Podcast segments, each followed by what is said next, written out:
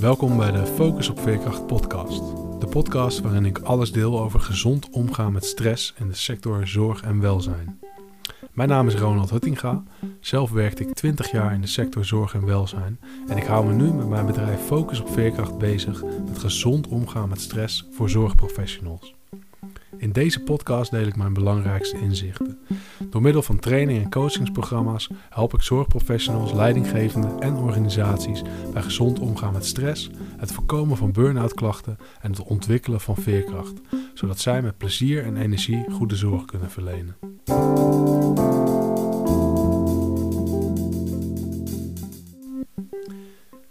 Ja, hoe kun je nou veerkracht versterken? Hoe kun je nou veerkracht versterken in je organisatie, bij je medewerkers? Uh, hoe kun je veerkracht versterken bij jezelf? Uh, dat is eigenlijk de grote vraag waar ik uh, me al een aantal jaar mee bezig hou. En dan dus in de, in de sector zorg en welzijn. Um, en die ga ik vandaag met je delen. Ik heb daar een, ik heb daar een manier voor um, om, om die te meten. Of te, te meten, in ieder geval om te peilen bij iemand. Hoe, hoe zit het met die veerkracht?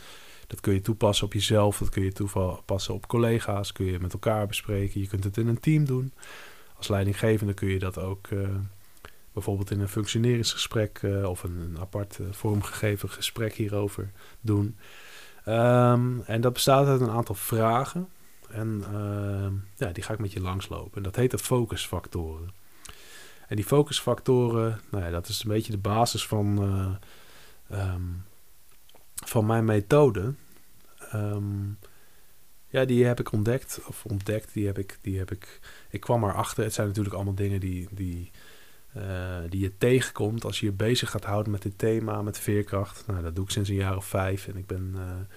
Uh, um, nou ja, ik ben op zoek gegaan in allerlei bronnen van nee, wat zijn nou effectieve manieren om, uh, om die veerkracht te versterken van mensen. Hoe, hoe, hoe kun je daaraan werken? Welke elementen zitten daarin?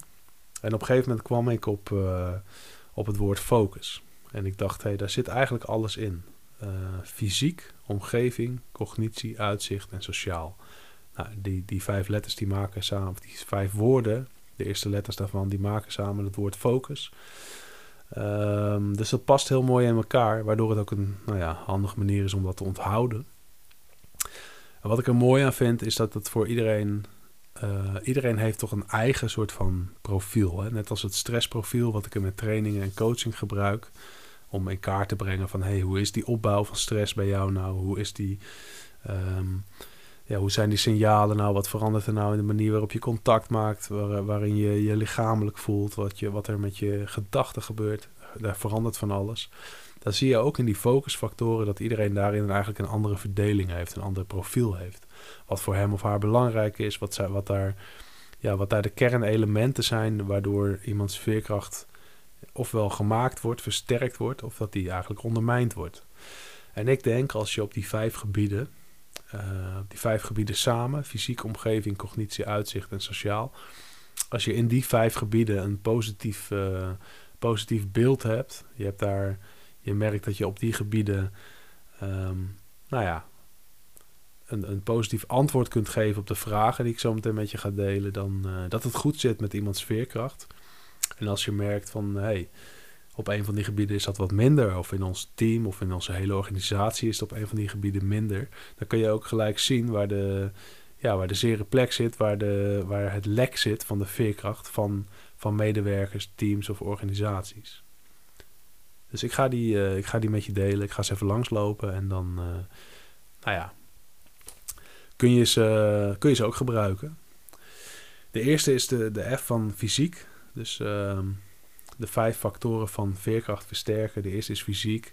En die gaat over echt het fysieke aspect. Hè. Stress is, een, is, een, is ook een fysieke aangelegenheid voor een groot deel. Een, stress kan een hele sterke fysieke reactie hebben. En het herstel van stress kan ook door middel juist van fysiek uh, heel goed werken. Vaak is de beste manier van herstellen is waarbij je een lage mentale inspanning levert en een hoge fysieke inspanning. En niet per se hoog in de, in de zin van heel veel kracht, maar bijvoorbeeld wel langdurige fysieke inspanning. Um, maar het gaat over levensstijl, het gaat ook over conditie, slaap, ademhaling. De vraag is: ben je fit? Heb je voldoende manieren om stress te reguleren? Het zijn eigenlijk twee vragen in één.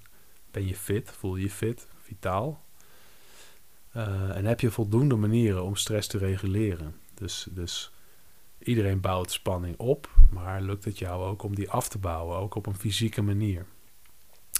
En ben je fit? Gaat over wat is je, voel je je fit genoeg? Dat is echt de fysieke component van veerkracht. Ben jij fysiek, voel jij je fit genoeg?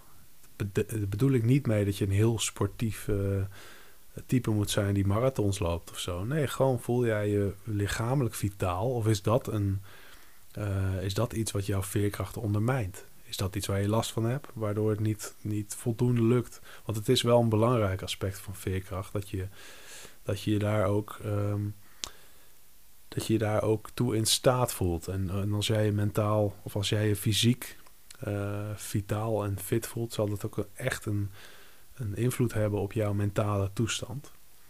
Nou, in een training ga ik daar veel dieper op in, ook op de effecten van, van wat een beweging doet op je brein. Maar we doen bijvoorbeeld ook uh, ademoefeningen om uh, eigenlijk te helpen om fysiek die stress te reguleren, om mensen hun stresssysteem op een directe manier te beïnvloeden. Uh, maar dit heeft ook te maken met bijvoorbeeld je slaap. Als jij slecht slaapt door je, door je werk, heeft dat natuurlijk ook weer een wissel op de veerkracht die jij hebt. Dus dat zijn belangrijke thema's. De O van focus die staat voor omgeving. En die gaat over de mate waarin jij in staat bent om je te verhouden tot je omgeving. Dus die omgeving zelf, die, die kun je vaak niet zomaar beïnvloeden. Ik heb het in een eerdere podcast ook al over gehad, hè, over, de, um, over het verlagen van de werkdruk bijvoorbeeld in een organisatie. Maar vaak is dat niet heel makkelijk, maar vaak is het ook niet de oplossing. Waar je wel naar moet kijken is op individueel niveau, uh, hoe passend is dan die werklast voor jou? Um, dus past datgene wat er van jou gevraagd wordt bij wat jij kunt leveren. En als dat iets uit elkaar ligt, dus als je iets meer moet leveren dan wat er eigenlijk bij jou past, dan kan het juist zorgen voor wat meer activering, voor ook de term uitdaging. Dus dat is eigenlijk de combinatie van dat iets net te hoog gegrepen is, maar dat je wel het gevoel hebt dat je in staat bent om dat te leren. Dan wordt iets een uitdaging. Als iets net te hoog gegrepen is en uh, je hebt niet het gevoel dat het jou gaat lukken, ja, dan kan het stress worden. Dus daar zit een heel groot uh, verschil. Maar goed, hoe passend is jouw werklast? Is die, is die inderdaad net iets uh, te hoog dat die jou activeert? Is die activerend, die werklast? Of is die eigenlijk zwaar, ben je zwaar overbeladen door wat er van jou gevraagd wordt? Heeft ook veel te maken met of je aan het begin van je carrière staat of van deze baan of later. Hoe is je dagindeling? Nou, daar ga ik in een training ook wel erg op in, omdat ook vaak een van de kernelementen van, van gezond omgaan met stress, dat is um, hersteltijd hebben.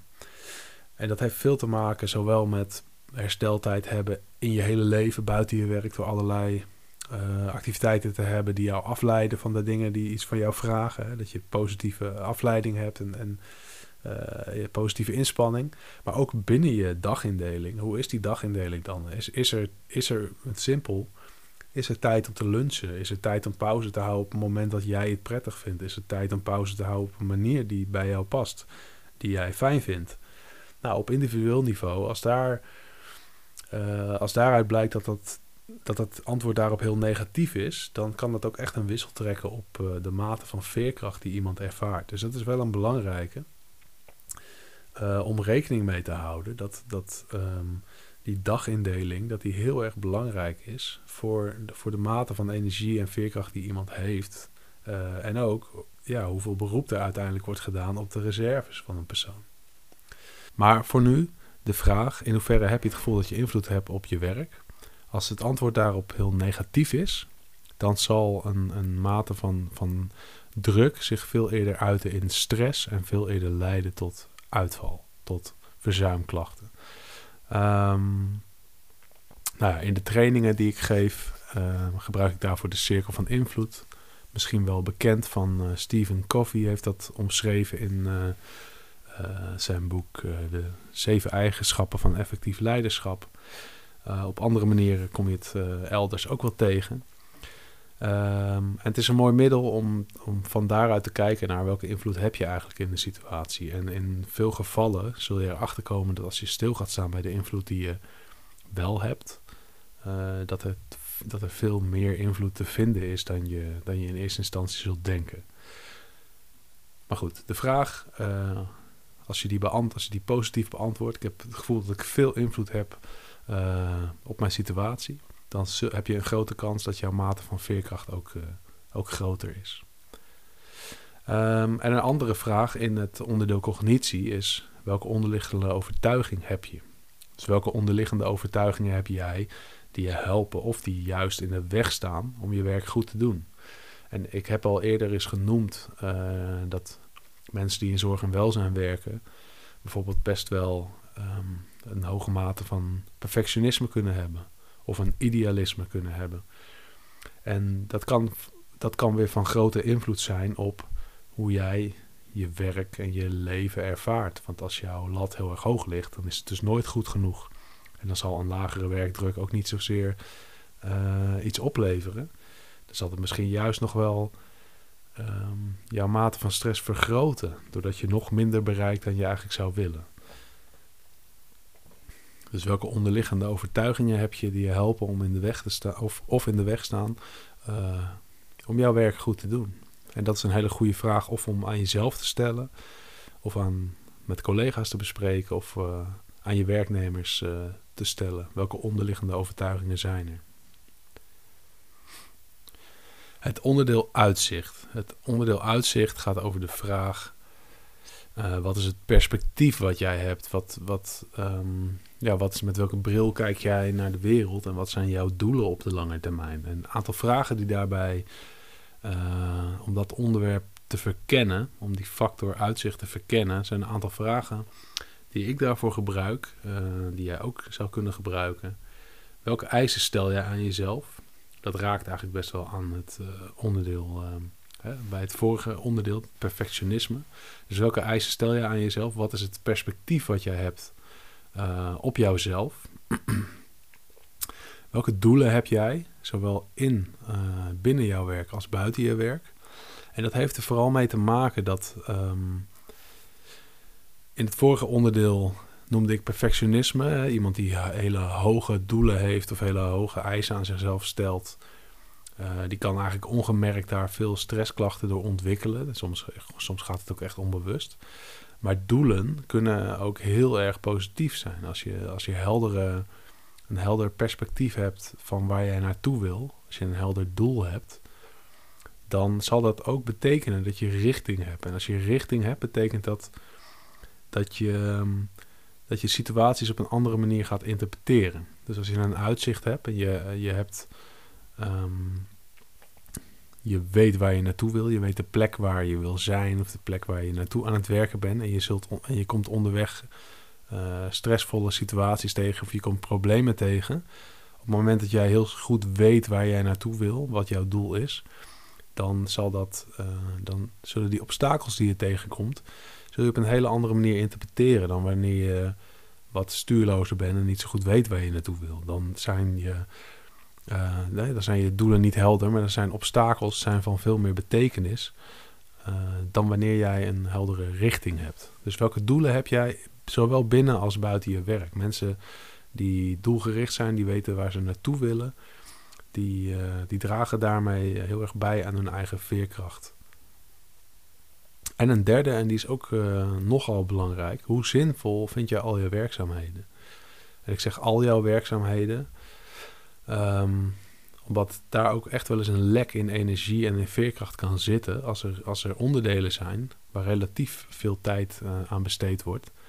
Um, ja, die mensen als niet zinvol ervaren. En waar moet je dan aan denken? Nou, ik heb bijvoorbeeld, dat heb ik ook wel eens eerder genoemd, um, tijdschrijven. Uh, binnen zorg en welzijn kom je nog wel eens tegen in bepaalde functies. Uh, dat mensen ook niet mensen moeten dan hun tijd registreren, eh, hoe lang ze met iemand, uh, uh, hoe, lang ze iemand ondersteunen en wat ze dan precies gedaan hebben. En dat kan een enorm energielek zijn.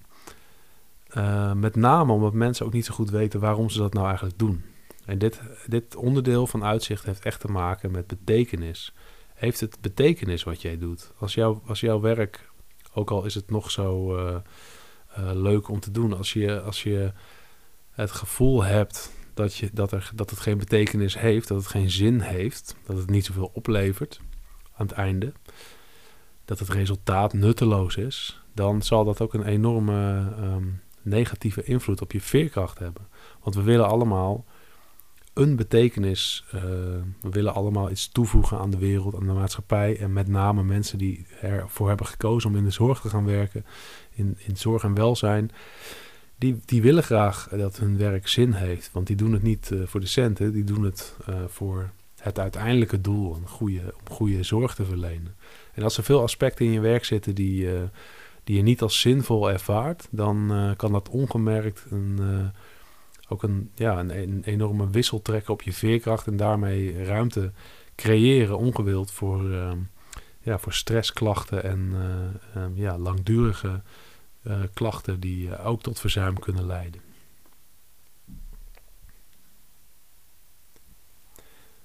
We komen aan bij het laatste onderdeel van de focusfactoren en dat is sociaal. Als je wil weten hoe het gesteld is met de veerkracht van een persoon, een werknemer of van een team of van een hele afdeling, uh, dan is sociaal het allerbelangrijkste onderdeel van de veerkrachtversterkende factoren. Hoe collega's zich tot elkaar verhouden en hoe steunend, zowel in sociale, mentale zin als in praktische zin, uh, de omgeving van iemand is, die is alles bepalend voor, voor de veerkracht van iemand. Dus de belangrijkste vraag die je kunt stellen als je de veerkracht wil vaststellen van iemand, uh, als je het gesprek wil leiden hierover. Hoe is de sfeer in jouw team of afdeling? Zo simpel is het. Als het antwoord daarop negatief is, dan kun je erop wachten dat er op lange termijn um, stressklachten en verzuimklachten gaan komen. Want werkdruk is overal. Maar een, een medierende factor, uh, een veerkrachtversterkende factor, is echt de sociale steun van, uh, van je omgeving. Dus de vraag, hoe is de sfeer in jouw team of afdeling? Uh, voel jij je gesteund? Zowel in mentale zin als in praktische zin. Dus um, op het moment dat jij een probleem hebt, word je dan uh, emotioneel ondersteund. Hè? Hebben mensen begrip voor jou? Kun je je verhaal kwijt? En ten tweede, word je ook wel eens geholpen. Bijvoorbeeld door je leidinggevende of door collega's. Gewoon dat je ergens ook in je achterhoofd weet: goh, als er echt iets is, dan kan ik bij mensen terecht enorm belangrijke factor. En wat ook een hele belangrijke en ook een mooie is, is dat hij ook andersom werkt. Dus ben je ook een steun voor anderen in jouw netwerk en in jouw team. Um, dus op het moment dat jij ook die sociale steun aan anderen biedt, dan zal dat zowel de veerkracht van een ander versterken, maar ook die van jezelf. En dat is een mooi, uh, mooi mechanisme, vind ik, want daar hebben we allemaal wat aan. Dus dat is een belangrijke vraag tot slot om te stellen. Ehm, over de sociale steun. Nou, je hebt nu de vijf uh, veerkrachtversterkende factoren gehoord. Um, dat zijn ook de factoren die ik gebruik dus in mijn training en coachings om mensen te ondersteunen om gezonder om te gaan met stress. Um, gebruik ze, doe ermee, uh, nou ja, ik hoop dat je wat aan hebt. Doe ermee wat je wil, wou ik zeggen, maar ik hoop dat je er vooral wat aan hebt om op deze manier uh, te kijken en mensen te bevragen op hun mate van veerkracht. Of jezelf eens te bevragen uh, of elkaar op de mate van veerkracht die er is. Nou, ik wil je in ieder geval bedanken weer uh, voor het luisteren en tot de volgende. Wil je meer weten? Abonneer je dan op mijn podcast of ga naar focusopveerkracht.nl. Daar vind je meer informatie over mijn programma's, webinars en een gratis e-book. Leuk dat je luisterde en veel focus toegewenst.